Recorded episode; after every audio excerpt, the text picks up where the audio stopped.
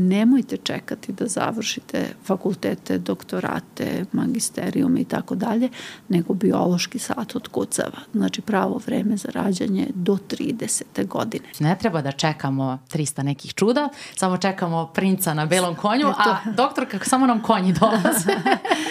Ćao ljudi, u današnjoj epizodi pričat ćemo o kanceru grlića materice kada i zašto nastaje, koji su faktori rizika za nastanak ovog karcinoma, kao i to da li se može ovaj kancer prevenirati.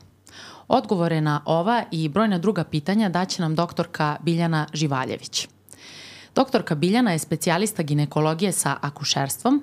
Ona je takođe odbranila master tezu sa temom a, karcinom grlića materice, odnosno faktori rizika za karcinom grlića materice i to nije kraj. Ona je dobila titulu primariju sa 2007. godine.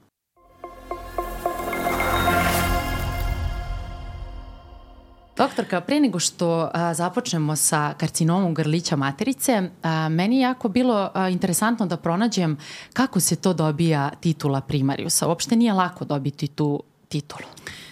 Pa titula primarija se dobija godinama iskustva i godinama rada. Znači to nije naučna titula, nego je iskustvena titula. Znači ja prosto nisam u nastavi jer tamo gde sam radila nije bila nastavna baza, pa onda naravno nisam mogla ni da postanem ni asistent, ni docent, ni profesor, ali e, posle e, godina staža, specijalističkog staža, objavljenih puno radova, o, iz stručnih radova naravno, dobija se, odnosno konkurišemo za um, naziv primariusa i dobijamo.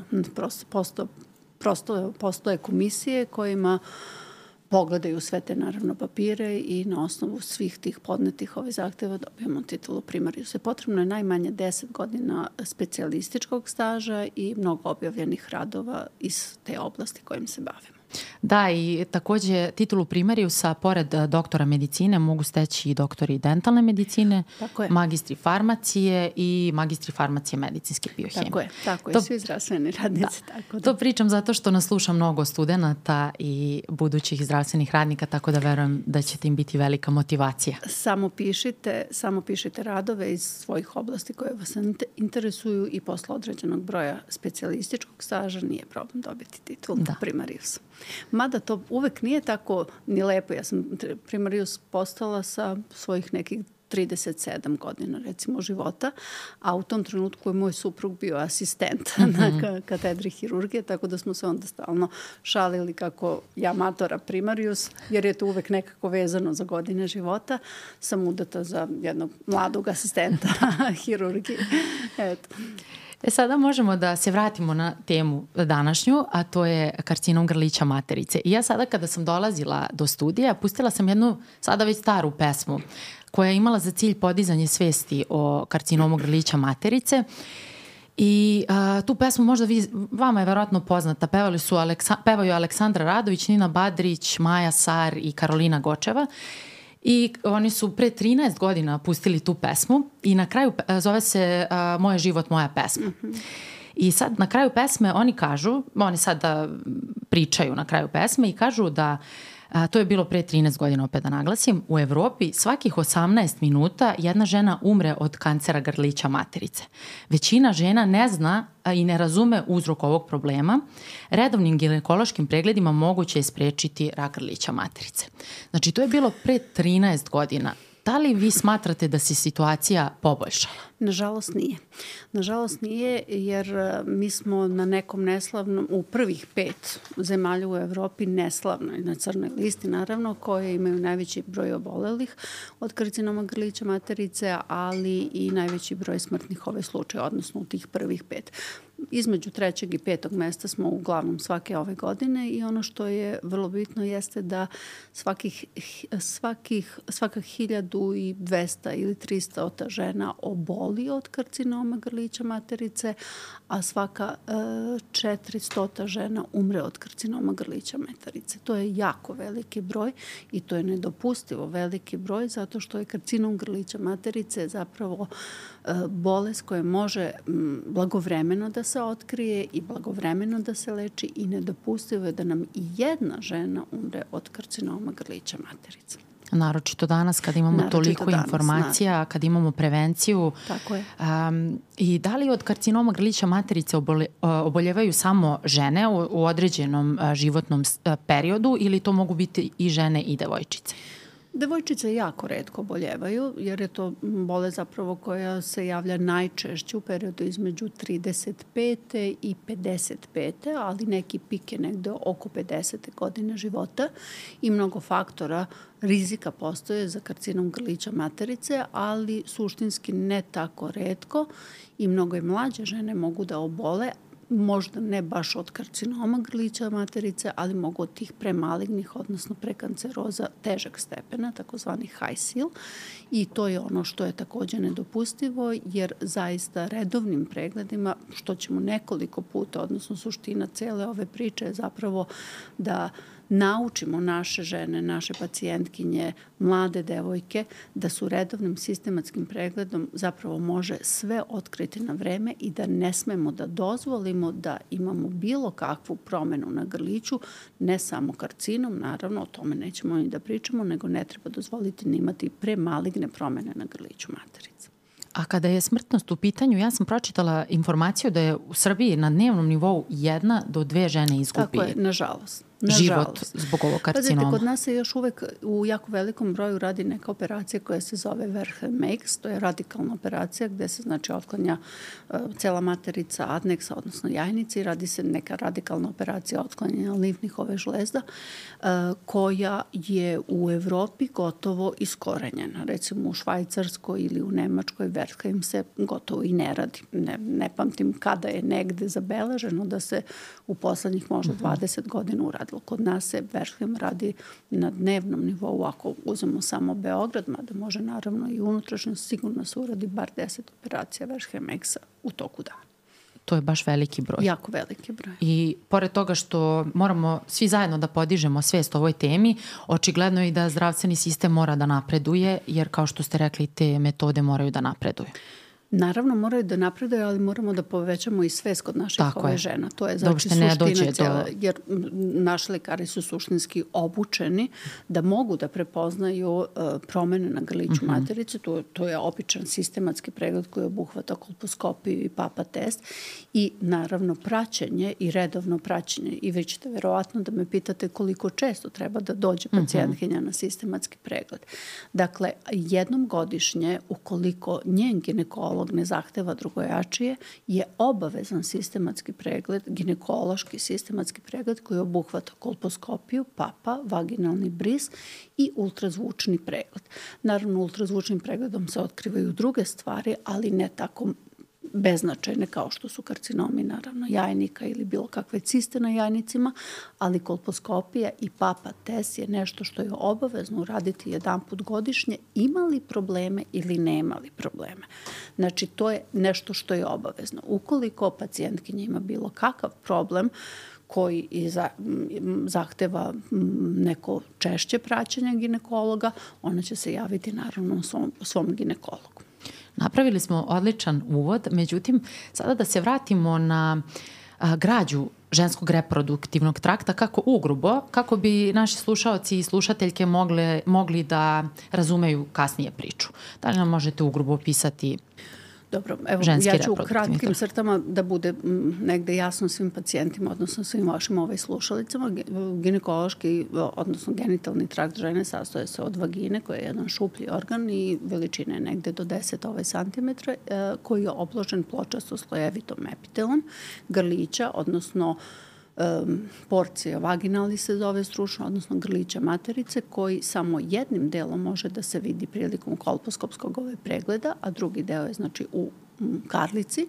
Znači, dalje naravno postoji uterus koji nam je jako bitan zbog reproduktivne funkcije kao i jajnici i jajovodi. To je zapravo suština genitalnog trakta ove žene i ono što je najčešće uh, i ono što je najznačajnije zapravo jeste da se sve promene na spoljašnjim genitalijama koje podrazumeva vulva, vagina i porcio vaginalni se, odnosno uh, grlićove materice mogu pravovremeno otkriti i zbog toga je i bitan ovakav pregled koji mhm. treba obavljati jedan put godišnje često se u svakodnevnom govoru pominju ranice na grliću materice.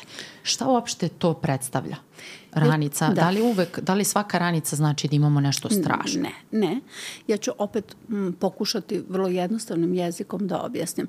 Znači, grlić i vagina su obloženi pločasto slojevitim epitelom koji, e, to je pločasto slojeviti epitel bez orožavanja i koji je koncipiran tako da može trpeti mehanički pritisak i nije podložan takvim nekim ozbiljnim ove, ove promenama, a ranica na grliću materice znači da je epitel iz cervikalnog kanala, znači iz cervikalnog kanala koji koji je dužine negde 2 cm, izašao van i to je dostupno takođe i vidljivo golim okom i kolposkopom. E taj epitel, to je takozvani cilindrični epitel, on je daleko osetljiviji, daleko vulnerabilniji na uslove iz poljašnje sredine, na viruse, bakterije, mehaničku traumu i to je ta ranica što mi kažemo, u stvari to je jedno polje epitela koji je osetljivije na sve ostale faktore iz poljašnje sredine. I ako se na takvu neku nazovi ranicu nakale mi još bakterijska infekcija, infekcija hlamidijom, mikoplazmom ili ne da Bože HPV infekcija, infekcija humanim papiloma virusom, onda to postoje onako otvoreno tle za razvoj mnogo, mnogo ozbiljnijih stvari i pa između ostalog i prekanceroze i kanceroze. Uh mhm. -huh. Um, I sad, kako to vi znate kao stručnjak? Ovim redovnim pregledima vi kao stručnjak, kao lekar, kao ginekolog tačnije, možete da utvrdite da li je ova ranica opasna ili ne. Zbog ne moramo se... sami da Naravno, razmišljamo ne. o tome i svaki lekar će tačno reći a, ženi, odnosno pacijentkinji, kada treba opet da dođe na kontrolu ili da li je vreme za neku, a, neki zahvat ili tako, tako nešto. Tako je. Ono što je bitno jeste da kolposkopija i papa su zapravo zajednički, zajednički pregled koji treba obaviti i dosta često se desi da pacijentkinja dođe i hoću da uradim samo kolposkopiju ili hoću da uradim samo papa. To nije dobro zato što je pouzanost kolposkopije nekih 80% i plus papa može da bude još nekih 90% i mi samo zajedničkim pregledom, i, znači ako uradimo i kolposkopiju i papa, možemo sa velikom sigurnošću da kažemo da je nešto dobro ili nije. Koliko će često žena dolaziti na pregled zavisi zapravo od izgleda te ranice. Ukoliko je to čista ranica, znači ako nema nikakvu atipičnu kolposkopsku, sliku, a to je takozvani neki mozaik, AV epitel, repitelizacija otvorenog ili zatvorenog tipa, što naravno ne mora ni da znaju slušateljke, ali ukoliko je čista ranica i ukoliko je papa test idealno dobar, što znači druga grupa, to onda znači da možemo slobodno da koristimo nešto od konzervativne terapije, znači biljne terapije ovakve ili onakve kako već ginekolog ove proceni i da zakažemo kontrolu za godinu dana bez bojazne da će se išta desiti.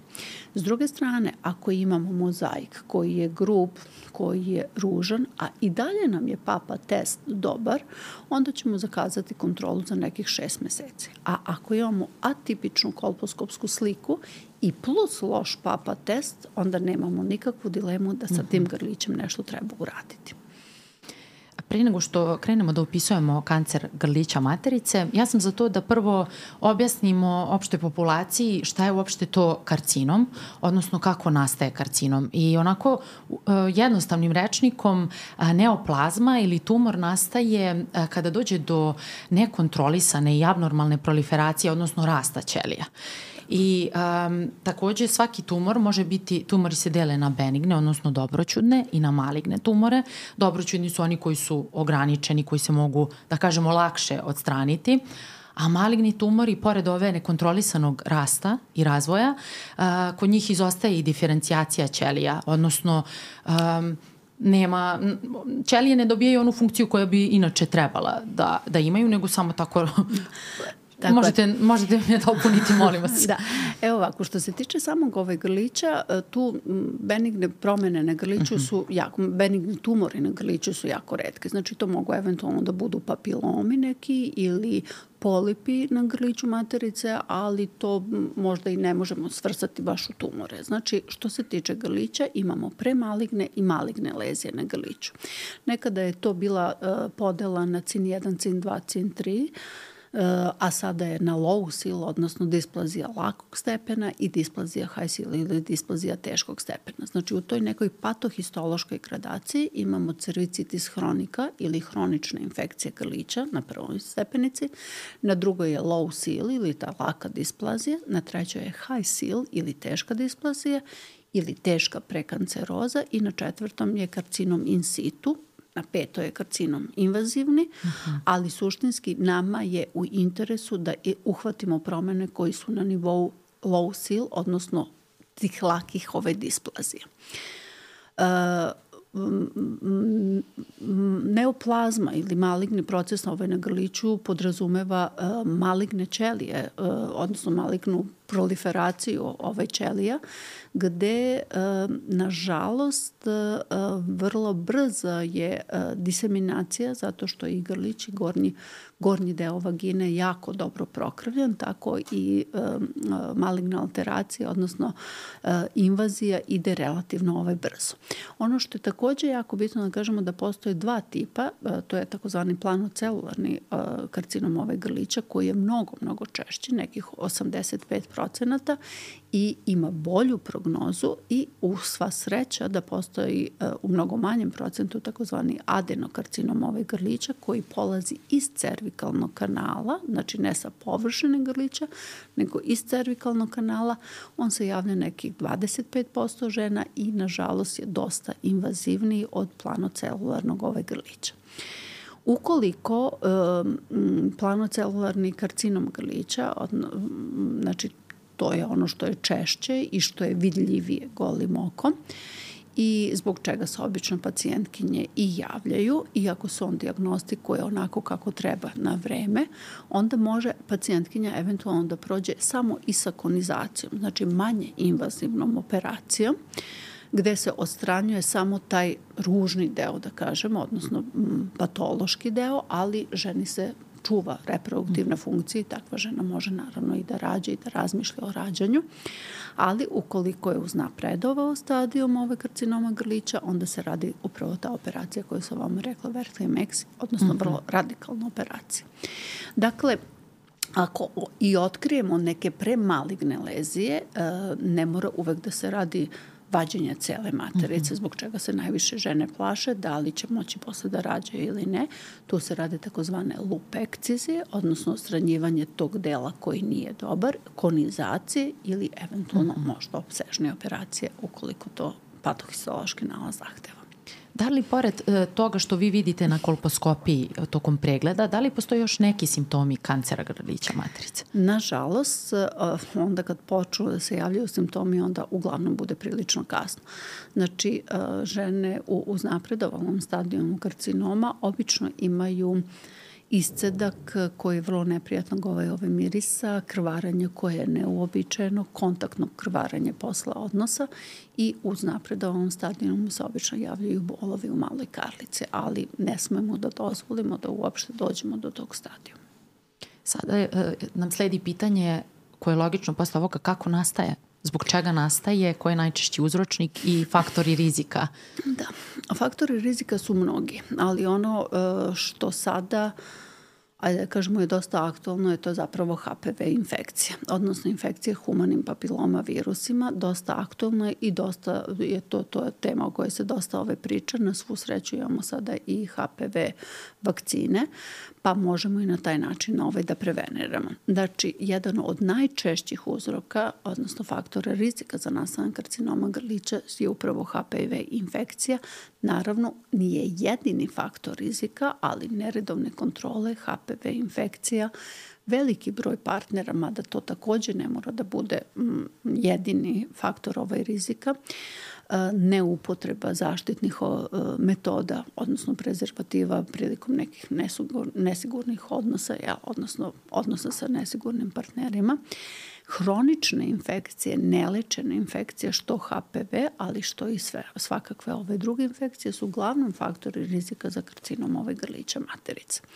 Znači, nekad se mislilo da je veliki broj partnera a, samo jedan od faktora rizika, međutim to nije tako, zato što um, je zapaženo recimo i da kaluđerice takođe mogu imati ovaj karcinom ove grlića materica, a zna se naravno da, nis, da one nemaju veliki broj partnera. Tako da sve ovo može da bude faktor rizika, ali sada je faktor rizika o kome se najviše priča upravo HPV infekcija. I da se razumemo, HPV infekcija nije svaka HPV infekcija faktor rizika. Znači, kad govorimo o humanim papiloma virusima, njih imamo preko 120, 150 sada već tipova i nisu svi podjednako opasni. Oni se dele u tri velike grupe, niskog onkogenog potencijala, umerenog onkogenog potencijala i visokog.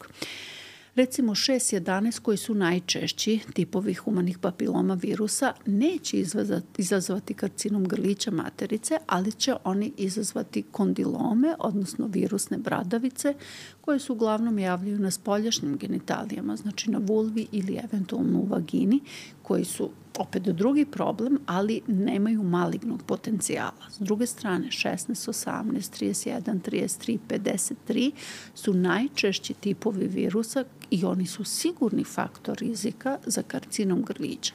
Mada ta infekcija može trajati dugo, dugo, jer od trenutka infekcije do razvoja karcinoma grlića materica može da prođe između 10 i 20 godina. Znači, treba 10 do 20 godina Tako da je. bi se razvio tako karcinom. Je. Tako je. Međutim, redovne kontrole, redovan screening Zbog mogu sprečiti. Zbog toga i najbitnije, da. tako je. E, sada HPV virus, a, pored toga što izaziva karcinom grlića materice, takođe može izazvati i karcinom anusa, karcinom a, vulve, tako je, glave vrata, vulve i vagine. Da li ste imali tako takve je. slučajeve? Pa naravno. naravno da, jer zato, uglavnom pričamo o karcinomu grlića materice. A... Karcinom grlića materice je rezervisan za žene. Analni karcinomi uh, su rezervisani i za muškarci i za žene naravne, a orofaringijalni takođe mogu da se jave i kod muškaraca i kod žene. To je sve zbog toga što se koriste, mislim, različiti odnosi, što mm -hmm. analni, što uh, um, oralni, što običan vaginalni ovaj seks, tako da suštinski svi, uh, svi karcinomi su u opticaju i zbog čega mi recimo insistiramo da žene koji imaju virusnu infekciju u vagini, odnosno kondilome u vagini, takav porođaj se mora završiti, recimo ako su te žene trudne i u trudnoći dobiju virusnu infekciju gde imate masu kondiloma u vagini, tu i ne razmišljamo o vaginalnom porođaju, jer prolaskom kroz vaginalne puteve koji su inficirani humanim papiloma virusom, beba može da proguta taj sekret jeli, ili da udahne i da dobije takozvane papilome na glasnim ovaj žicama ili, ne daj Bože, karcinom orofaringsa. Na svu sreću to se redko dešava, ali su opisani takvi slučajevi. Pa sada kod karcinoma grlića matrice imamo screening, međutim kod ovih drugih karcinoma to je jako nezgodno. To su uglavnom vidljivi. Znači uh -huh. i vi, ako vam dođe pacijentkinja koja ima uh, kondilome u vulvi i vagini, e, gotovo uvek je neizostavno pitanje da li upražnjava i analni i oralni seks. Uh mhm. -huh. Ukoliko upražnjava i jedan i drugi seks, mi uradimo i analni pregled i pregled orofaringsa. Da, nego mislim na karcin, na ove visoko rizične, da li svaka infekcija HPV virusom a, znači da će doći do pojave kondiloma ili e, ne mora da znači? Ako je infekcija sa vi, tipovima virusa 6 i 11, gotovo da. 100% uh -huh. će se javiti kondilomi, ali isto tako moramo da znamo kada se radi o HPV infekciji, uh, da prosto ne postoji šansa da se nekad u životu ne inficiramo HPV virusom, zato što je prvo veoma veliki broj HPV virusa, znači i prosto uh, bar jednom u životu ćemo imati infekciju HPV-om koja može da bude blaga infekcija koja može spontano da prođe kao i svaka virusna infekcija, ali ako ta infekcija je izazvana visoko rizičnim e, tipovima virusima, virusa, onda moramo da budemo jako, jako obazrivi. To je ono kad dođe pacijentkinja pa kaže rekli su mi da imam neku papilomatozu na, na malim ili velikim ovaj usnama, ali ona je spontano prošla. Znači, mm. ni to nije nemoguće. Znači, jer većina tih b, e, infekcija izazvanih nisko onkogenim tipovima virusa može spontano da regredira. Ili eventualno uz upotrebu nekih antivirotika. Ali nama je najbitnije karcinom grlića, odnosno virusna infekcija na grliću, jer je to ono što odnosi život žene. Da, najčešće je to. Kada smo pominjali sve ove tipove HPV virusa, zna, vi ste i rekli da postoji veliki broj, preko 100. 150 I tipova. preko 90% stanovništva je nekada došlo u susret sa ovim virusom i imalo ovaj virus. I zato i kasnije ćemo detaljnije pričati o tome, tu je a, prevencija jako važna, odnosno HPV vakcina, baš zato što imamo a, imamo vakcinu protiv raka i treba da je iskoristimo. Naravno, to je jedina vakcina protiv raka. Da, da kažemo ali, koja je zvanična vakcina protiv raka. Jest. Jel?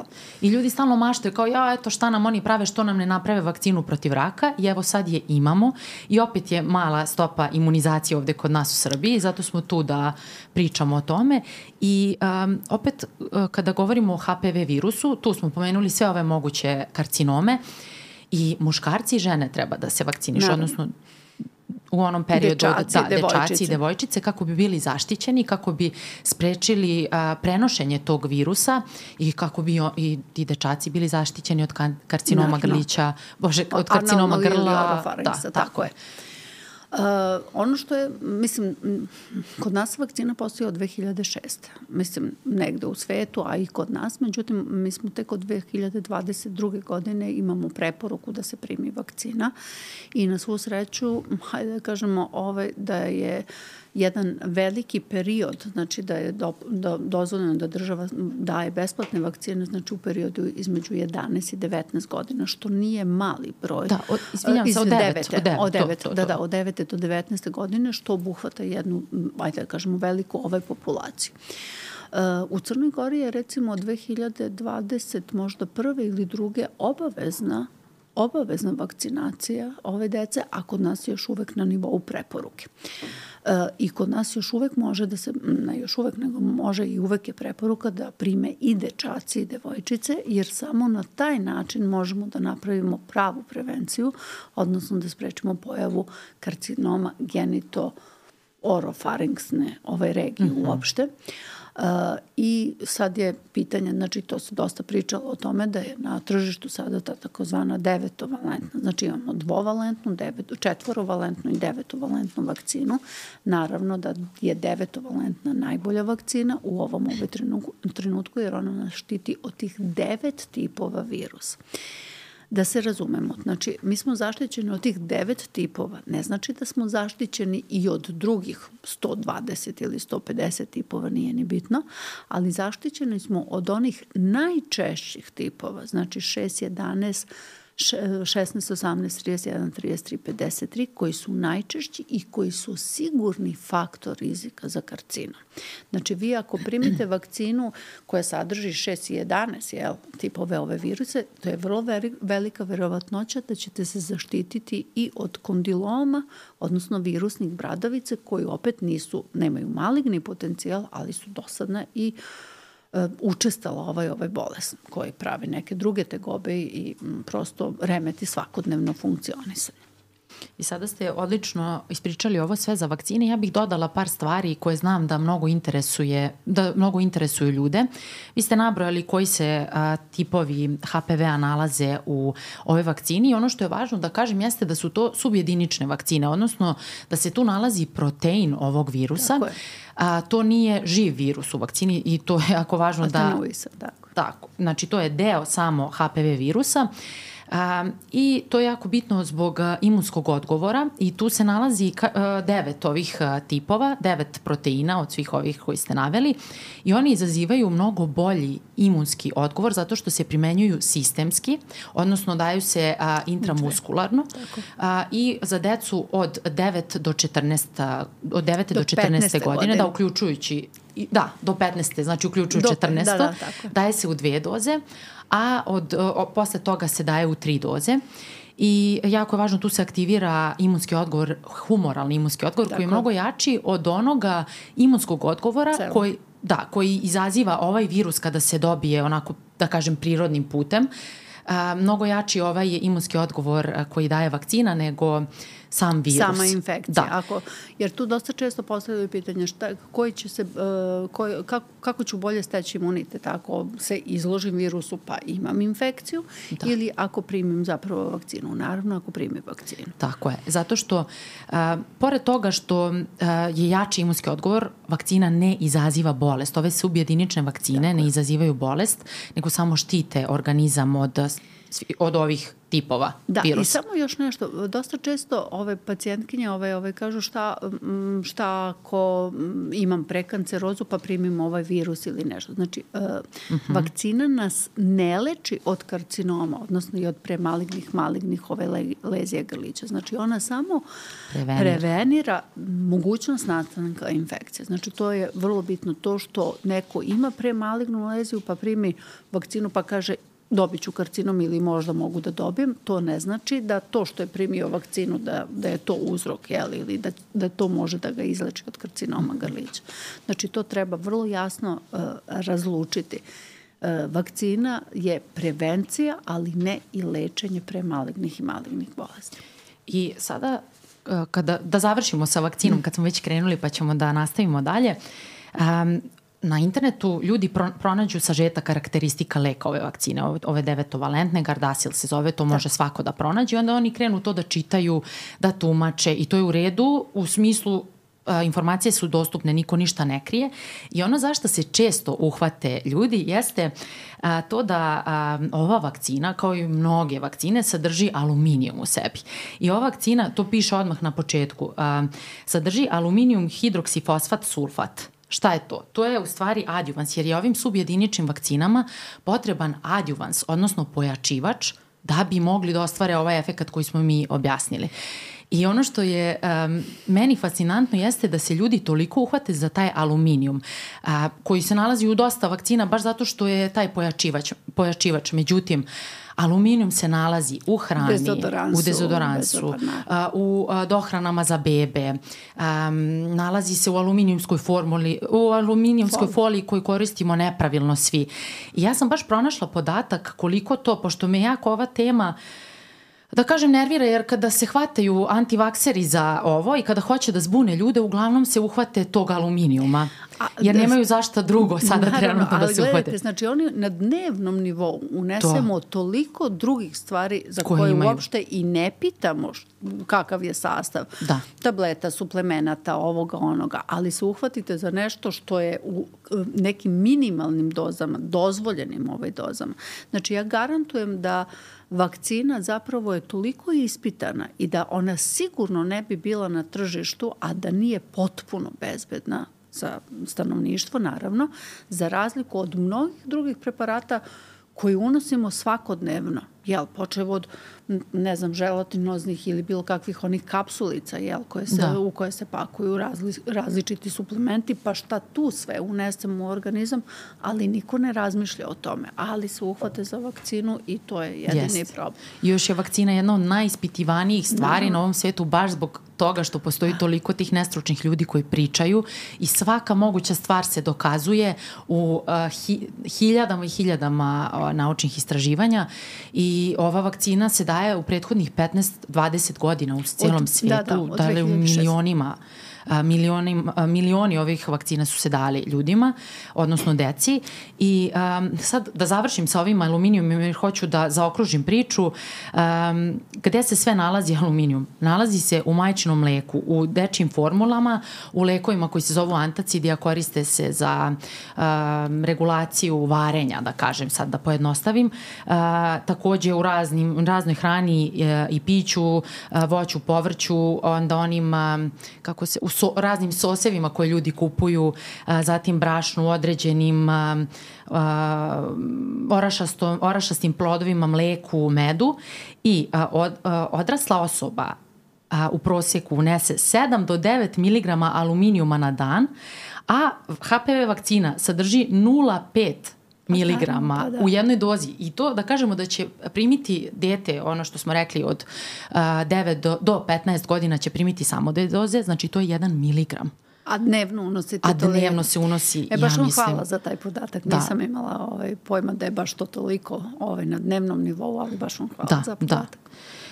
I to je, sve ostavit ću ovaj link za ovu informaciju da mogu svi da pročitaju, tako da nema, toliko, nema opšte razloga za brigu i to nije samo u ovoj vakcini, aluminijum se kao adjuvans koristi u brojnim vakcinama. Pa ne bi, ne bi uopšte mogla da se primenjuje vakcina ako bi se bilo koji sastojak nalazio u nedozvoljenoj tako koncentraciji. Je. Tako je.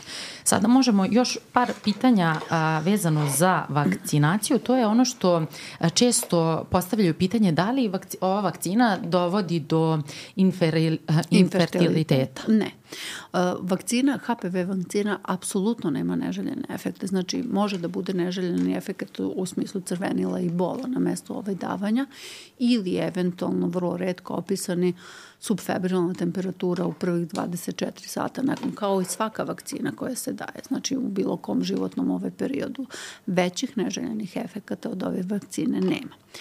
Do infertiliteta ne može da dovede ni na koji način jer utiče samo na humoralni imunitet i nema nikakve veze ni sa jajnim ćelijama, ni sa jajnicima, ni sa bilo kakvim faktorima infertiliteta.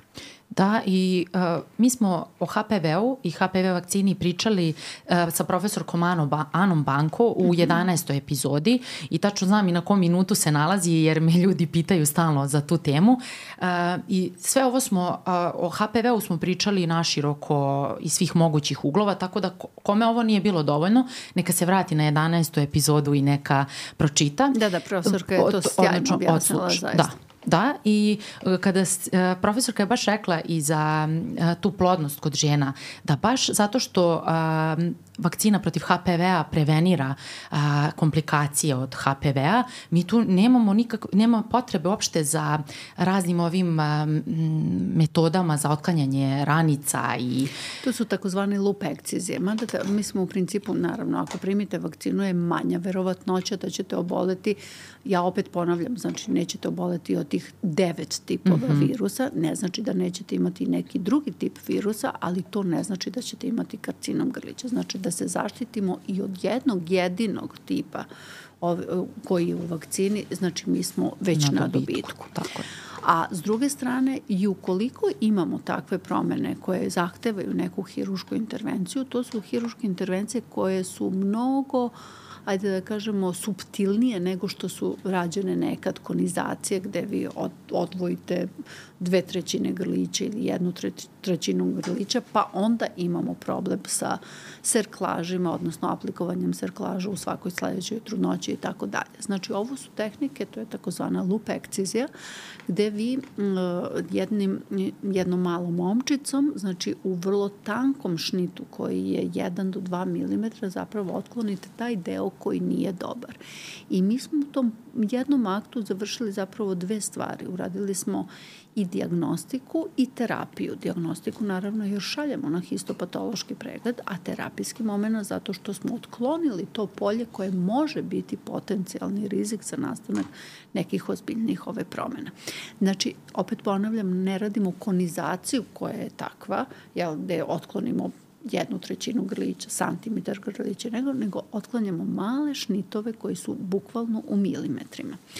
I ono što nam je jako bitno kad nam histopatolog zapravo izda histopatološki nalaz jeste da e, imamo dve rečenice, da o kom stepenu displazije se radi i da li je ivica, otklon, odnosno da li je promena otklonjena u celini ili ivi, da li ivice resekcije dopiru u zdravo.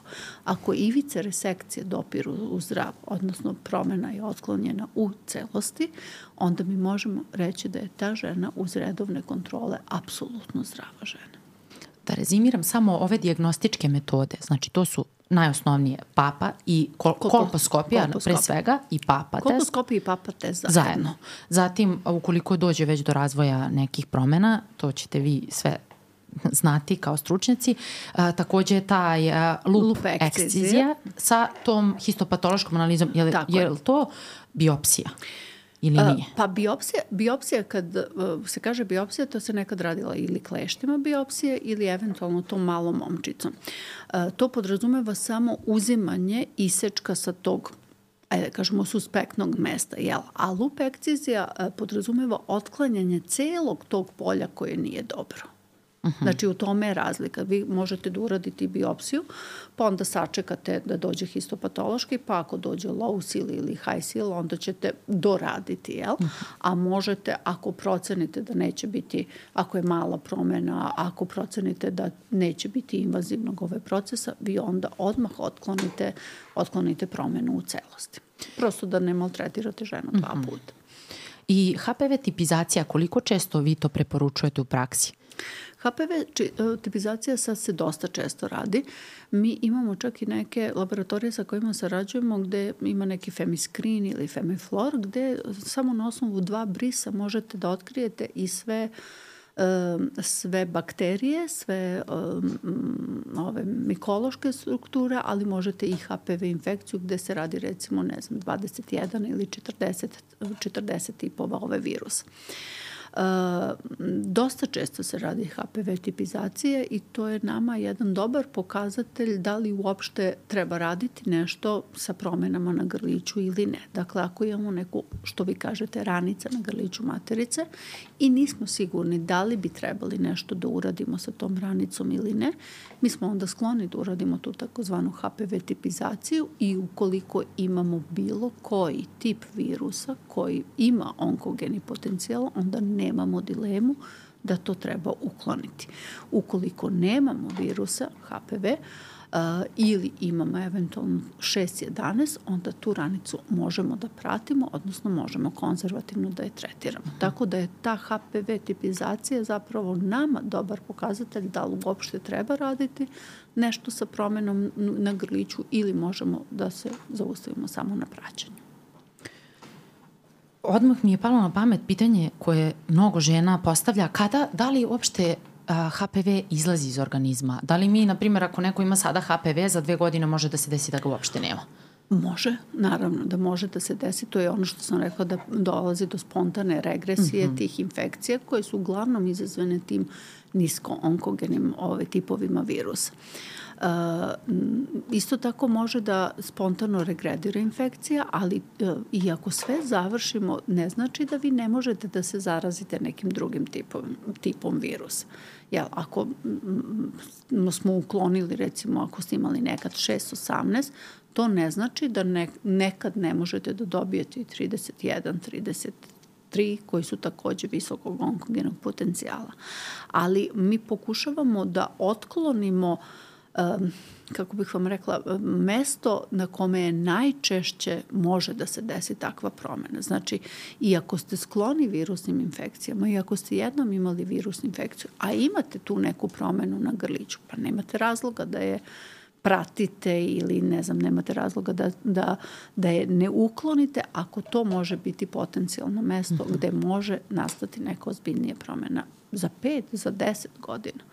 Znači, to je jedna, ajde da kažemo, jedna stvarno toliko laka intervencija i banalna intervencija i kratko traje i nije tako ni bolna. Znači, može da se radi bez anestezije i sa anestezijom, ali otklanjate jedno veliko E, veliko polje e, moguće kasnije neke, neke komplikacije.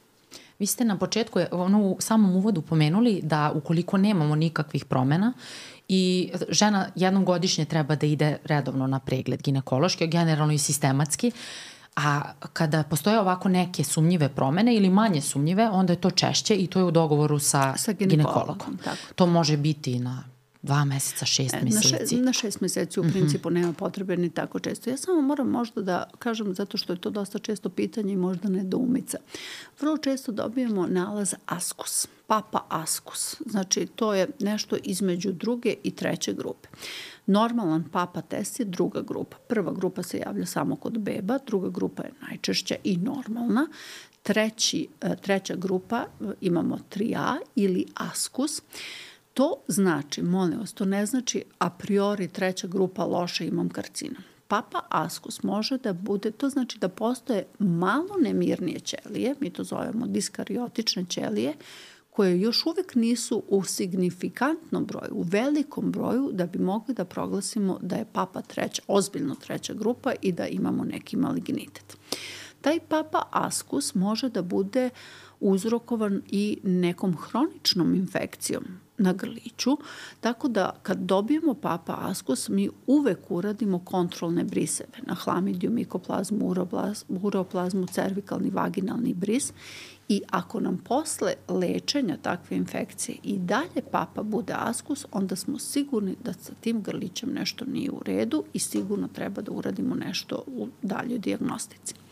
Ukoliko posle lečenja hlamidijalne recimo infekcije papa dođe dobar, znači papa druga grupa, onda je papa askus bio uzrokovan samo infekcijom i ništa više. Mm -hmm. Isto tako, e, dosta često kod žena u menopauzi e, može vrlo često da se dobije ta diagnoza papa askus, ali to je zapravo zbog toga što ko žena u menopauzi imamo jedan atrofičan epitel i te ćelije koje su uglavnom bazalnog i parabazalnog sloja vrlo mogu da sliče diskariotičnim ćelijama. Znači i kod žena u menopauzi kod kojih redko možemo da dobijemo baš neke ozbiljne ove diagnoze ako nema ništa na grliću, onda damo lokalnu estrogenu terapiju, pa nam je to diferencijalno diagnostički parametar. Odlično što ste ovo objasnili. Još jedan dokaz hiljaditi put da ne treba da tražimo i da googlamo, nego Naravno, da znači, verujemo dođu, stručnjacima. Dođu žene zaista preplašene, da. unezverene i kaže imam papa askus ili treću A grupu, Čitala šta je sam. to i tako dalje. Da. Znači papa 3A ili askus ne znači a priori karcinom grlića. Odlično. I mnogo mi je korisna i meni kao ženi ova epizoda i kao farmaceutu. Hvala vam puno, ali da nastavimo nismo još uh, gotovi. Malo pre ste pomenuli serklaž. Ja sam to čula, ali iskreno zaboravila sam šta to znači. Samo da objasnimo ljudima. Serklaž, serklaž je jedna intervencija koja se radi između 16. i 18. nedelje trudnoće gde postoji skraćen grlić. Skraćen grlić iz nekog razloga. Da li je to urođeno skraćen mali grlić koji ne može da iznese trudnoću, jel? Odnosno kod koga dolazi do dilatacije grlića pa do prevremenog porođaja ili ne da Bože pobačaja. Uh, i može da bude znači urođeno mali grlić, može da bude uh, mali grlić zbog intervencije koje su ranije rađene kao što je konizacija ili nekad se radila i amputacija grlića i u tom smislu uh, da bi se iznala trudnoća do kraja mi zapravo postavljamo jedan šav kojim stegnemo ovaj ovaj grlić i ne dozvoljavamo dilataciju grlića pre određenog uh, vremena. Odlično. Hvala što ste mi to pojasnili. Verujem da će da i, i ljudima odkoristi. A sada se serklaž m, redko. dosta redko radi. Mm -hmm. Inače, pošto ja u pripremi epizode tako istražujem dosta tema i na, naletim tako i na neke ginekologe koji pričaju kako drugi ginekolozi, kako se međusobno uh, pričaju kako neki ginekolozi nemaju pojma, kako ne umeju da prepoznaju um, ovaj uh, mozaik kada je u pitanju kada je obična ranica. Sad ja banalizujem primjera, ali stvarno ima toga na internetu dosta toga. Ja, se ne bi, ja, ja bih samo rekla da postoji mnogo dobrih zdravstvenih profesionalaca pa, u naravno. ovoj državi. Mislim, kolposkopija je jedna jako jednostavna metoda i mislim svakodnevnim radom ne može da se promaši ništa, zaista ne može. Ali opet kažem, kolposkopija uz... je jedno uz papa test, znači da. nikad nemojte uh, uh, otići samo da radite papa test. Došla sam da uradim papa test. Papa test bez kolposkopije ne znači ništa, kao što ni kolposkopija bez, bez papa, papa testa.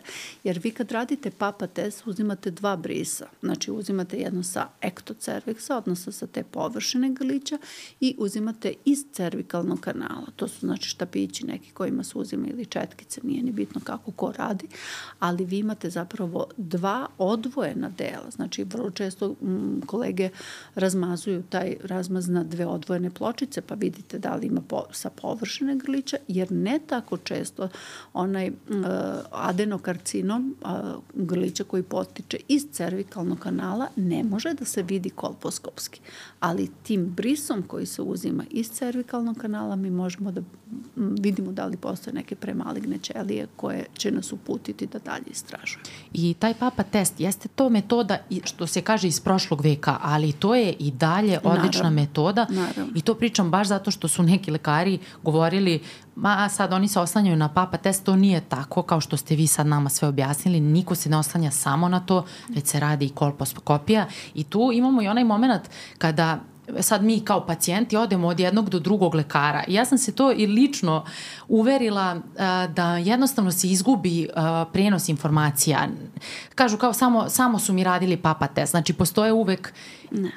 Ne, ne, ne treba nikad raditi samo papa test. Ja sam i citolog, pa onda i gledam taj papa test i meni, recimo, kad radim papa test, meni je uvek na kompjuteru i nalazi. Ja tačno znam, mislim, opet da me e, kolege patolozi pogrešno ne shvate, znači, m, pat, m, i patolog i ginekolog, citolog može da radi papa test. Znači, ali vi patologu pošaljete sam razmaz i on nema sliku odakle ste uzeli vi taj papa test. Ja kao ginekolog znam tačno tačno odakle sam uzela papa test i gde mogu očekivati neke promene. Jel? U tome je razlika. Znači, prosto se završava i fakultet i te, te različiti seminari za, za ovaj, kursevi za citologiju. E, patolog drugojačije gleda, a citolog, ginekolog drugojačije ove mhm. gleda. Ali ono što je bitno jeste da iako pošaljete patologu, uvek pošaljete propratno pismo, znači, odnosno kolposkopski nalaz, da bi on čovek znao šta može da očekuje je. Ako vidi promenu tipa mozaika i ako mu je to opisano u nalazu, onda će možda videti dobrati pažnju da li na tom papa testu postoje ti koilociti koji su znak virusne infekcije ili ne, ili ako pošaljete podatak da je žena poslednju menstruaciju imala pre 10 godina, onda on te uh, atrofične ćelije neće proglasiti diskariotičnim ćelijama, nego će imati taj podatak koji je jako bitan. Znači i ti podaci koji se, eh, koji se šalju patologu su jako, jako bitni. Ako mhm. patolog gleda papa test. I, pošto smo pominjali kolposkopiju baš puno puta, sada mislim da je vrijeme samo da objasnimo kakva je to procedura. Uh, Kolposkopija je jedan bezbolan pregled, pre svega bezbolan pregled, gde vi uh, um, prilikom ovaj pregleda posmatrate pod mikroskopom, odnosno pod velikim uveličanjem, uh, kolposkopom zapravo posmatrate površinu grlića. Uh, na toj površini grlića možete da uočite bilo kakve promene. Da li postoji ta ektopija, da li je grlić prekriven pločasto slojevitim epitelom ili eventualno postoji ta ranica na grliću, da li postoji atipična kolposkopska, kolposkopska slika, odnosno da li postoji mozaik, epitel, reepitelizacija, da li postoje patološki krvni sudovi i nakon nanošenja lugolovog rastvora vama cela površina treba da se oboji tamno brown i to je jedan zdrav grlić. Svaka površina koja se oboji žućkasto ili ne oboji se tamno brown zahteva redovno praćanje, odnosno redovnu kontrolu i prosto diagnostikovanje o, ko, o kakvoj promeni se radi.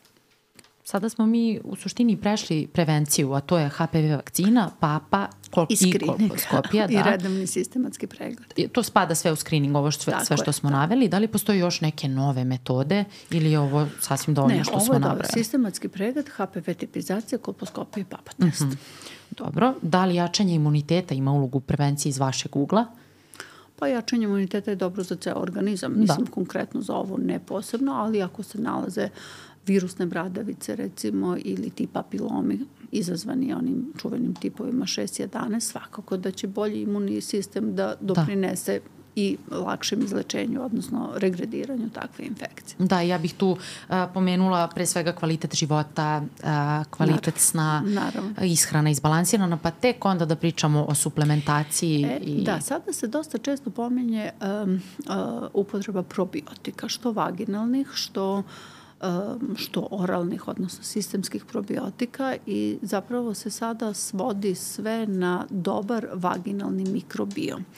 Jer vi ako imate uh, dobar odnos loših i dobrih bakterija znači, u vagini, znači jasno vam je da vaginalni mikrobiom se sastoji od velikog broja bakterija i da jedino dobar balans i dobrih i loših bakterija uz veliki procenat laktobacila nama obezbeđuje dobar vaginalni mikrobiom, odnosno nemanje infekcije i normalno funkcionisanje.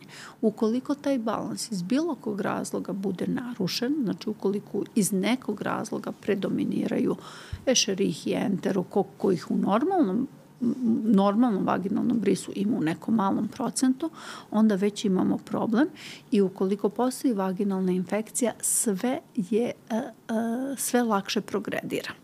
Znači, vaginalni mikrobiom je vrlo bitna stavka i znači, sem dobrog vaginalnog sekreta, mi uvek preporučujemo sada da pacijentkinja i preventivno stavi povremeno vaginalne probiotike jer će to obezbediti dobar vaginalni mikrobiom, a samim tim i ređe infekcije, što bakterijske, što mikološke, odnosno kandidu, što HPV.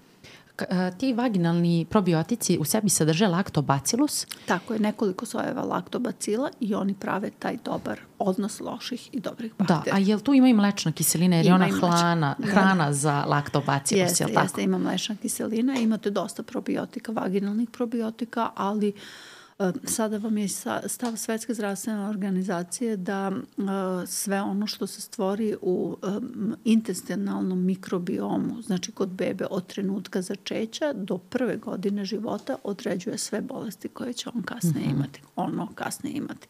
Zapravo sve kreće iz creva, da, odnosno da, mikrobioma creva. Da, jako je tema kompleksna i zanimljiva. Da, da, da. Vaginalne, vaginalni ne samo vaginalni, nego probiotici uopšte, a u našem, našem kontekstu vaginalni probiotici imaju jako, jako puno udela. I koliko vi preporučujete uh, upotrebu, koliko dugo treba da se primenjuju vaginalni? Zavise da li uopšte pacijentkinja ima bilo kakve mhm. -huh. vaginalne infekcije ili ne. Ukoliko ima bilo kakve vaginalne, onda se prvo po antibiogramu izleče vaginalne infekcije, a onda se bar mesec dana, dva do tri puta nedeljno koriste, odnosno aplikuju vaginalni probiotici, jer je toliko potrebno da se napravi dobra vaginalna flora.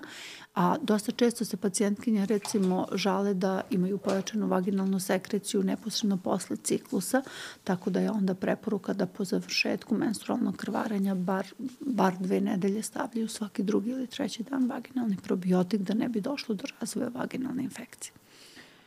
Uh, još jedno pitanje, uh, da li je porođaj faktor rizika za razvoj raka grlića materice ili je protektivni faktor? Da li je porođaj uh, u principu... Ili nema veze. Da, to nema nikakve da. veze. Mislim, u principu porođaj nema veze sa razvojem mm, karcinoma ove grlića, sem ako mm, nije neki rascep na samom ovaj porođaju uh, loše ušive na ovaj grlić na samom porođaju, ali generalno nema mm -hmm. nikakvog, nikakvog značaja sam porođaj. Da, mislim da sam ovo pitanje baš i dobila iz tog razloga zato što nekoliko žena koje poznajem kaže da su imale dosta problema sa tim nakon porođaja. Porođaja. Pa da. moguće da je bila recimo da. neki rascep ove grlića, da, pa da. da je nepravilno srastao grlić ili nešto, ali generalno porođaj sam kao takav vaginalni porođaj nema utice uh -huh. na, na karcinom grlića. A, dobro. A, još neki protektivni faktori ako imate da dodate, ali mislim da smo obuhvatili baš dosta. Upotreba prezervativa kod uh, odnosa koji nisu sigurni, odnosno koji nisu provereni. Znači to molim vas, naročito ove uh, mlade devojke koje čini mi se prilično lako stupaju u seksualne odnose sa neprova, neproverenim ove partnerima, treba da budu jako, jako obazrivi. Jer je, koliko sad vidim, uh, dosta zastupljeni seks za jednu noć jel, ili tome slično. Tako da tu molim vas budite obazrivi. Niko vam ne brani da ako imate potrebu to uradite, ali bar zaštitite sebe i svoje zdravlje. Jeste i pritom čak i kod korišćenja prezervativa, odnosno kondoma, a, nije osoba 100% zaštićena nije, od HPV virusa zato što imamo delove tela koji nisu Tako je tako zaštićeni tako prezervativom. Znači to uvek pacijentkinja kaže, ali ja sam uvek koristila prezervativ. To nije 100% da. zaštita. Nije, Apsolutno, definitivno. Jer uvek ima ti one mikroporice koje mogu, u, prezervativ se ne koristi baš uvek adekvatno, tako da, da apsolutno i onoj mali količini semene tečnosti ili u ejakulatu može da se nađe uh, HPV uh, da. virus. Da, to, to je prvo trebalo da kažem, ali sam zaboravila, nekako smo skrenuli e, sa te teme, ali nema veze. I kada pričamo o karcinomu grlića matrice, nažalost, kada se već razvije, koje su to putevi terapije? Znači imamo naj, imamo lokalnu terapiju, sad onako ja teorijski pričam pa me vi ispravite, lokalnu terapiju, radijacijonu terapiju, generalno kod kancera, ali kod kancera grlića matrice vi nam recite šta je to i da li se koristi farmakoterapija? Farmakoterapija u smislu hemioterapije da. se može ovaj koristiti, ali nažalost nećemo uopšte da govorimo o tome jer je to tad uznapredovao, uznapredovao stadio. Najčešće se radi, znači, ukoliko se radi o invazivnom ovaj grliću, taj Verhemex, odnosno ta radikalna operacija, a onda po stizanju uh, konačnog histopatološkog nalaza se zapravo odredi da li je potrebno još nešto dodatno od terapije ili ne. Uh, kod, uh, kod karcinoma grlića lića materice najčešće se još dodatno ovaj, e, primenjuje radioterapija, a hemioterapija se jako redko primenjuje zapravo kada je baš da, kada, kada je uznapredo, ali jako ovi protokoli koji se sada kod nas primenjuju uglavnom se baziraju na radioterapiju, operativnom lečenju i radioterapiji. Znači terapija zavisi od stadijuma kancerotipa tako do sad. Tako je, da. tako je. A, ja kao farmaceut sam se naravno a, dala u istraživanje i farmakoterapije, ali jako mi je drago što kažete da se to jako redko kod koristi. Kod karcinoma endometrijuma, kod karcinoma jajnika se koristi da, svega da. hemioterapija, da. ali u ovom slučaju radioterapija ima bolji učinak. Odlično. Ja sam, moram da pa, kažem... ne znam sad da li je baš odlično. Ne, to odlično je što, da. ne, ne, tamo posle nego odlično je sada na ovu temu što ne moramo toliko da pričamo o farmakoterapiji, a u nacionalnom vodiču to može isto svako da Naravno, da pronađe. A, nacionalni vodič dobre kliničke prakse za terapiju karcinoma grlića materice piše da se najčešće koristi cisplatin mm. a, i to je kao monoterapija, međutim to većina ljudi zna da hemioterapija ima dosta da. i neželjenih efekata i sad onako samo, pošto ja stalno ljudima pričam i te neke zanimljivosti i kada je do, taj lek došao na, kada se pojavio, a, kancer testisa je a, od 10% izlečenja skočio na više od 85%, što je stvarno fascinantno. Tako da te, a, farmakoterapija ima veliku naravno, ulogu, naravno. ali hajde da vidimo da preveniramo a, ovo Prevencija, što možemo prevencija. da preveniramo. Jer vi ste sad pomenuli i te druge karcinome koji su isto jako, mogu biti jako teški i opasni, a ovde imamo uh, a, vakcinu protiv raka koju možemo da preveniramo. Ovde nam je sve dostupno. Da, ovde da. nam je sve dostupno pregledu. Vi imate recimo karcinom jajnika koji je užasno agresivan i koji se može javiti kod mladih devojaka i kod žena srednjih ove godina, ali da mi možemo, može da se razvije za šest meseci, bukvalno i vi sa onog pregleda na pregled.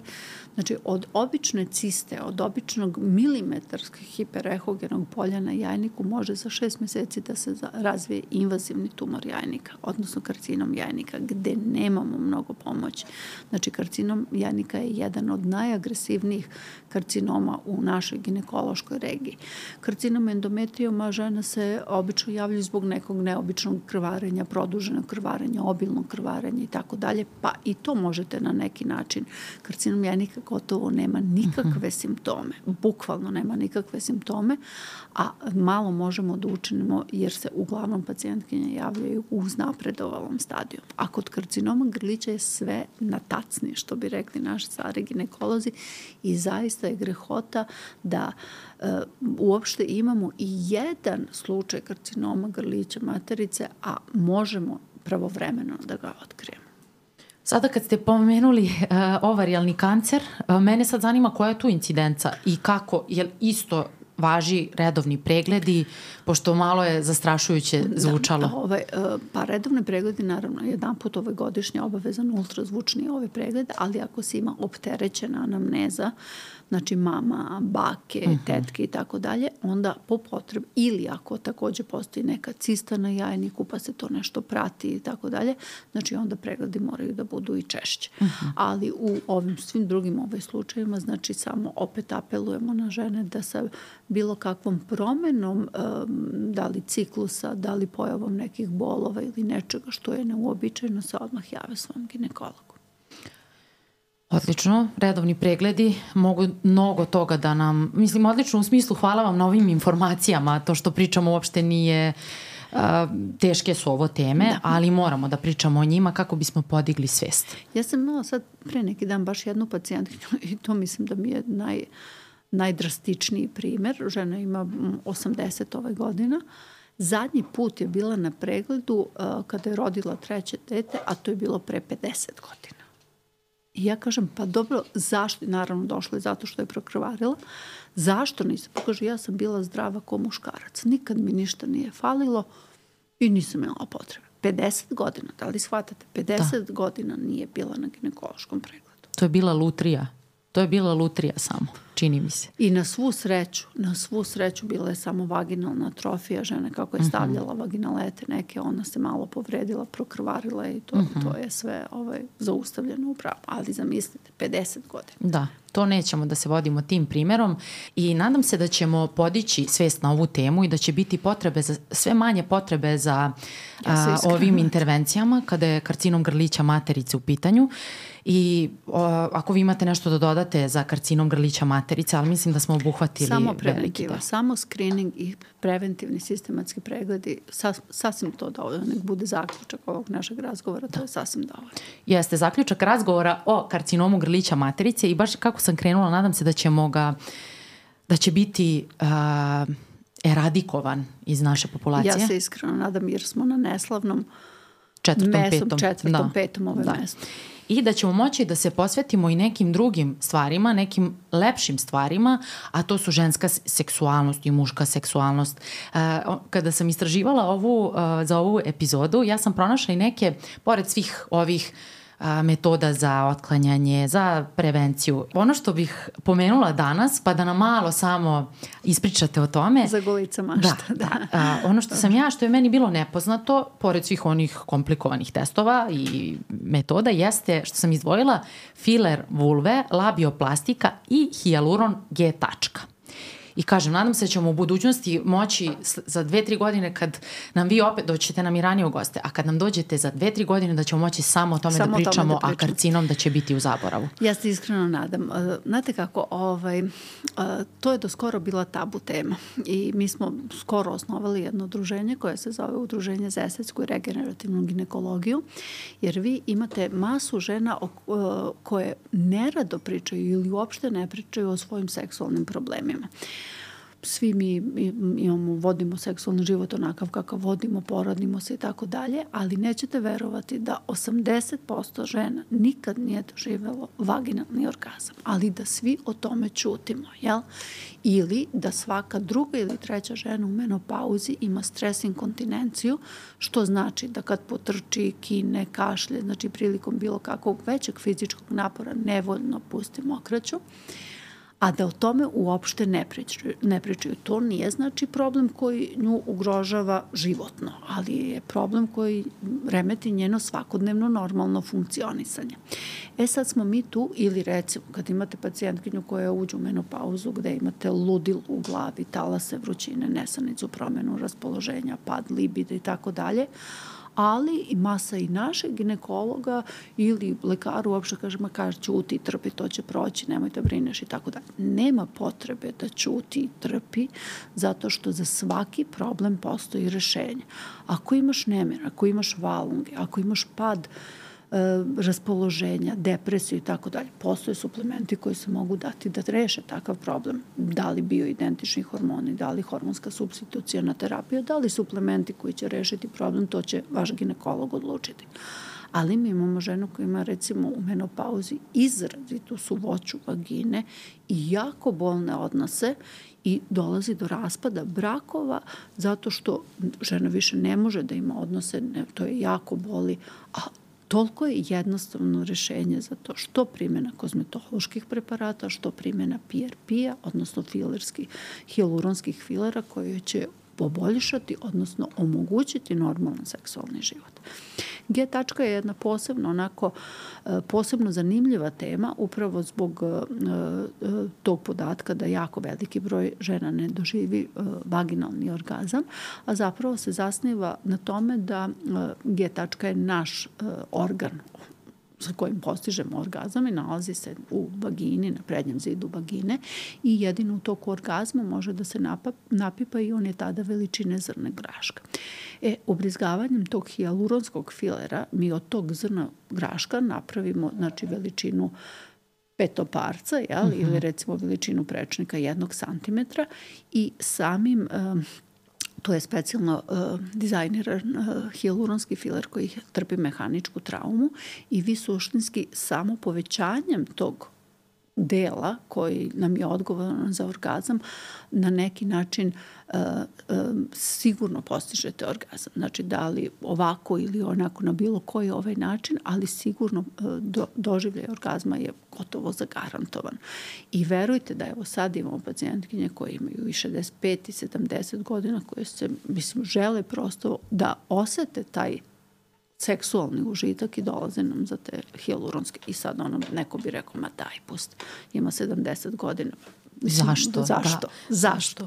I kao što ste rekli, Tako. negde u društvu postoji taj neki, to je kao tabu tema, međutim, Ali to, za, treba da pričamo samo treba malo uh, započeti priču. Da. Jer čim započete priču, onda se polako javljaju ove žene, kaže pa jo, pa, pa onda pričate sa drugaricom, pa kaže jo, pa i ja nekad, pa pričate sa ovim, pa I onda se ispostavi da svaka druga žena zapravo ima taj problem, ali da, da. se o tome čuti.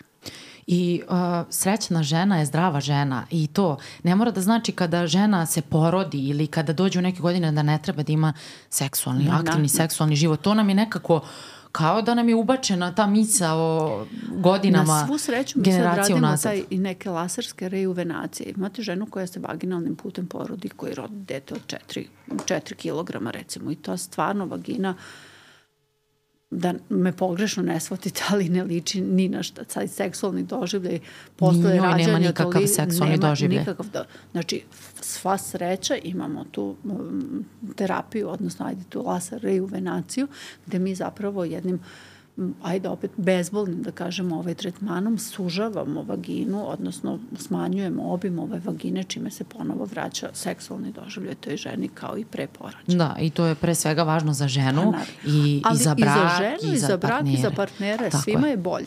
Tako je, a i partneri isto a, treba da se edukuju, a, treba da postoji neka seksualna edukacija u Naravno. našem društvu i da prestane to da bude tabu tema.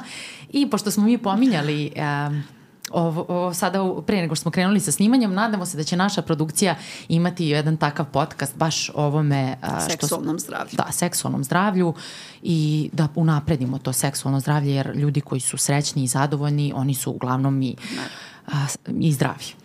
Pa naravno, tako da je suština u tome da. zapravo da. uživati u životu, a možete uživati ako ste zdravi i ako da. ste zadovoljni. I treba da uh, postoji, da ove informacije budu dostupnije ženama, jer evo ja sam prvi put čula za to. Čula sam da se negde tamo u Kini radi ta labio-vaginoplastika, ali to je meni bilo hiljadama godina daleko i sada kada sam, bil, nisam uopšte razmišljala o tome jer sam mislila, ma ko zna kada će kod nas da stigne. I, dana, I kada sam se pripremala za epizodu, baš sam se prijatno iznenadila, tako da hvala vam što smo otvorili ovu temu, pričat ćemo Biće mi zadovoljstvo da, da, da ponovo da. dođem i da pričamo o tome. Da. I još samo jedna stvar. U prethodnim U prethodnom periodu pominje se akušersko nasilje uh, u našem društvu i sada bilo bi bez veze da ne pomenemo tu temu. Šta vi imate da kažete uh, o tome? Kao jedan... Ah, da A, posle ginekolog, 20, vi ste i ginekolog da, i, i akušer. Da, da. da.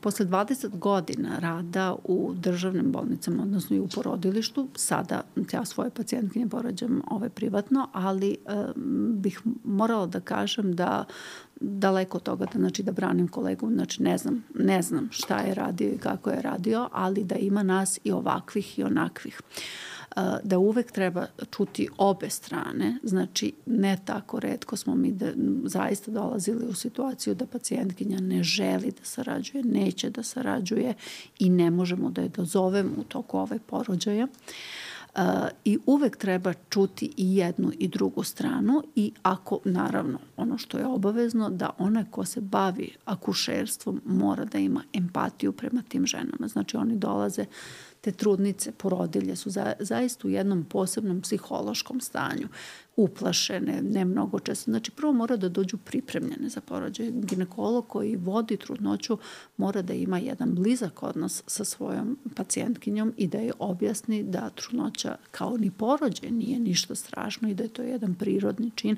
i da će svakako da se porodi na ovaj ili onaj način. Znači, prosto i u toku trudnoće da je pripremi za sam porođaj, a onda u toku samog porođaja da ima i ginekolog, jel, jel, koji je porođen, da ima svez da je tim ženama ne tako lako, ali i da pacijentkinje budu obazrive i mislim da, kako, da shvate da ako u državnom porodilištu kao što je front, višegradski i tako dalje, nemamo jednu babicu za jednu pacijentkinju, nego da se istovremeno mogu porađati i deset žena, i da, a možda imamo dve ili tri babice i da moraju da imaju sluha i za to. Daleko od toga, opet kažem, ne branim ni jedne ni druge.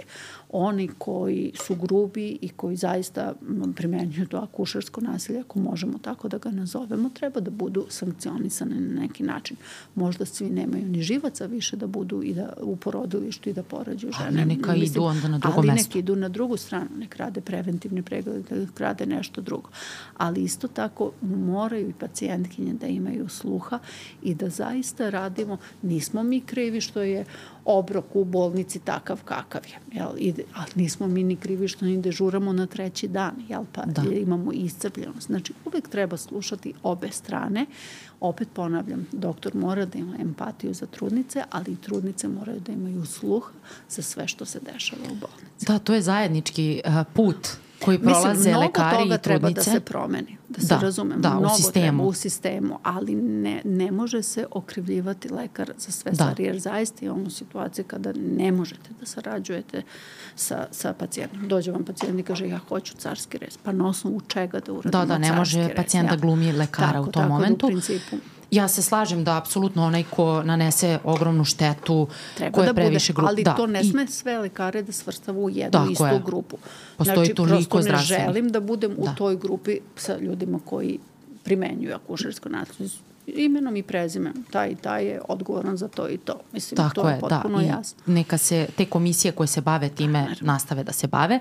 A ono što su meni trudnice sada kada je ova tema aktuelna, pisale i pričale o tome jeste da one su se pripremale za trudnoću i to ne u ovom smislu da sada analiziraju sve da nešto protivreče lekaru, da se mešaju lekarski posao, ne, nego postoje knjige A tru, taj period trudnoće stvarno žena ima vremena da se posveti tim stvarima, trebalo bi, da pročita nešto i kako će da diše. I sad objašnjavali smo žene da postoje i takvi neki i program i knjige, samo emisije, koje mogu da se bave time, tako da to je zajednički put. Da vam put. kažem, sad ima puno ovih škola roditeljstva. Ja recimo ovaj, na uh, školi roditeljstva Baby Belista držim jedan put mesečno predavanje fiziologija trudnoće i porođaj gde na, na tom Zoomu ima negde stotinak ove, ove žena i mi se jako lepo ispričamo i mislim da pojasnim sve ono što je potrebno. Vrlo je bitno da se osjeća pacijentkinja, odnosno trudnica, srećno i zadovoljno. Znači, jer ono kako se vi osjećate u trudnoći, sve prenosite na svoju bebu. I ako imate jednu anksioznu mamu, ako imate jednu depresivnu mamu, ako imate jednu plačljivu mamu, verujte da će takva i njena beba biti. Znači, to su rađena mnogo, mnogo velika istraživanja i mnogo, mnogo istraživanja na tu temu. Sve zavisi od toga kakav je odnos vas i partnera, kakav je odnos trudnice sa njenom mamom, koju muziku slušate, koliko spavate, koliko vas nerviraju drugi. Znači, Pazite, da, da, to je mislim, kompleksno, baš, baš, baš. Nije sve jedno da li će trudnica ustajati u 6 sati ujutru, će ustati u 8 sati, popiti kafu, ispričati se sa drugaricama. Tako. Mislim, kako bih vam rekla, ne kažem da e, trudnoća je jedno blagosloveno stanje. Zaista ga tako treba ishvatiti. Kao i taj porođaj. Znači, da li ste čuli da se neko nije, da se neko nije porodio? Niste. Znači, samo treba da shvatite da suštinski donosite na svet jedno najvoljenije biće i da je, mora da boli, ali boli zato što ćete doneti na svet najdraže nešto što, što postoji i svaki bol će uminuti onog trenutka kad stavite bebu na grud. Mislim, tako da samo žene treba dobro pripremiti i puno pričati i naravno, opet kažem, imati empatiju za, za njihovo stanje i za njihovu uopštu, ajde da kažemo, uplašenost. Nije, mm -hmm. nikom svejedno nije, ja idem na porođaj, ne znam šta će se desiti. Naročito kad je prvi. A da. s druge strane imate i nas, ginekologe, koji uh, imamo dva života u jednom trenutku. Nama mm -hmm. je cilj da uh, žena izađe i zdrava žena i zdrava beba iz tog mhm. porodilišta, što nije, nikad žena nije bliža smrti nego u toku porođaja. I to je nama glavni, glavni. -hmm. Znači, mi se brinemo za dva života u tom trenutku. E sad imate ono, zašto moram epiziotomiju, zašto ovo, zašto ono. Mislim, tu mora lekar da objasni zbog čega se sve to. I kad vi ženi lepo objasnite... I to pre tog momenta. I pre tog da. momenta, onda je potpuno sve, sve da. u redu. Nadam se da će to biti moguće i za te državne bolnice da žene mogu da, da se, da, lekari imaju mnogo više vremena da se posvete svojim pacijentima. Naravno, ali to je sad problem na u drugom nivou. Sistemu, u da. I neću sistemu. da zalazim u to, zato što ja sad trenutno ne mogu to da rešim, ali da, želela sam da pričam i da I samo zaključak ove epizode, to jest ne ove epizode, nego ovog dela. Svač, svačega smo svačega, se nečega. Da, ali uh, želim da, e, šta, šta vi imate da poručite mladim studentima koji će postati u jednom momentu ginekolozi i akušeri? A, zato što moram da pročitam ovu izjavu a, koja mi se uopšte nije dopala a, od naše ministarke zdravlja gde kaže moramo da se dogovorimo da ne ispaštaju sada svi. Jer ako sada krene lov na veštice, za pet godina niko neće hteti da bude ginekolog niti akušer. Meni iz ove vaše priče jasno da je to jedan jako odgovoran, jako lep poziv, gde radi mnogo empatičnih stručnjaka i ljudi i I sad, ova izjava mi se uopšte nije svidela iz više razloga, zato što čini mi se da ministra zdravlja, ovo mi je nekako mnogo smiješna Rogobatna. izjava, rogobatna, i da to i na kraju dana nisu veštice, nego ljudi što, koji treba da snose odgovornost, koji treba da da odgovaraju za, Gledajte, a to je manji broj ljudi. Ginekologija, akušerstvo je jedna jako ozbiljna specializacija. Znači ne samo ginekologija, jer tu imate sve. Imate prevenciju, imate onkološke pacijente i tako dalje. Akušerstvo ima, morate da znate sve, morate znate internu, morate znate sve druge grane, pri čemu je akušerstvo jako, jako odgovorno, jer kao što rekao, imate dva života u jednom ovaj trenutku. Međutim, to ne znači da se ne može raditi. Znači, ono što bih možda mlađim kolegama poručila jeste da moraju da budu ne bliski sa svojim, znači da moraju i vrlo jasno zapravo da objasne svojim pacijentkinjama šta i kako u, kom, u kojoj fazi trudnoće i u kojoj fazi porođaja. Znači po neki put stvarno lepa reč znači mnogo umirite pacijentkinju i to je, ne, ne zasniva se veličina doktora na pravljanju pozorišne predstave od svega. Znači vi ako znate posao znate. Znači, kako bih vam rekla, ima i nas ginekologa koji su savršeni ginekolozi, ali čutljivi, autistični za pacijentkinje savršeni akušeri, ali ne pregovore dve reči u toku samog porođaja. Ali ako priđete pacijentkinji pa kaže, ajdete, molim vas, napnite, sad nam je jako bitno. Ili, znači, to je onda potpuno druga konotacija i znači to potpuno ima drugi ishod samog ovaj, ovaj porođaja. Ne kažem da te kolege koji ne pričaju kažem, odličnih kolega, ali su prosto takvi. I ja bih se uvek pre odlučila za nekog, nekog doktora koji će da mi kaže neku lepu reč i da kaže ajdemo sad zajedničkim snagama, a ne za ono koji samo Tako čuti je. i ne progovori ni reč. Znači, samo saradnja, pričanje sa pacijentima, objašnjavanje konkretno, ne morate vi da zalazite u detalje, ali moram priznati da je ginekologija vrlo, vrlo ozbiljna specializacija i moraju da budu spremni na tako nešto. Da, i dok nam ne uvedu na naše zdravstvene fakultete predmet koji se zove emocionalna inteligencija, koja je jako važna ja. u svim ovim sferama, ja. ja pozivam sve zdravstvene radnike i sve studente da rade na tome samostalno, jer je mnogo važna osobina. Mnogo je važno, mnogo da. je važno. Znači, ne možete da radite ovaj posao ako ga ne volite. Da, da.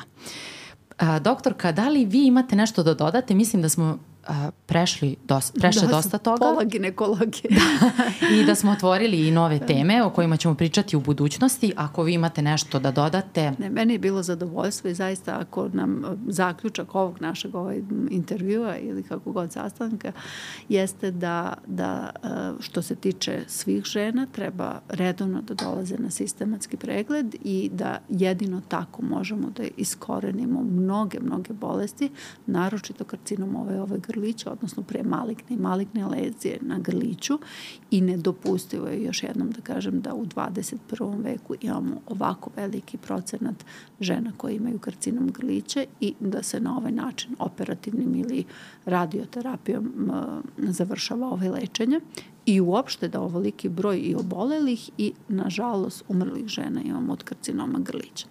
Što se tiče trudnoća, ja naravno pozivam ove mlade žene i ono što bih možda negde potencirala jeste da pravo vreme za rađanje je sada to pomereno, nije više ono kao u mom periodu 25-26, ali nemojte čekati da završite fakultete, doktorate, magisterijum i tako dalje, nego biološki sat od kucava. Znači pravo vreme za rađanje je do 30. godine. Ne kažem da i posle ne može naravno, ali je to negde najviše fiziološki. Najlakše se ostaje trudan, e, najlakše se iznosi trudnoća, spremni ste, opet ne kažem da ne može i kasnije, ali imamo još jednu vrlo bitnu činjenicu i možda to može nekada vam bude tema za razmišljanje da imamo mnogo žena, odnosno mladih devojaka koji ulaze u prevremeni klimaks. Mm -hmm.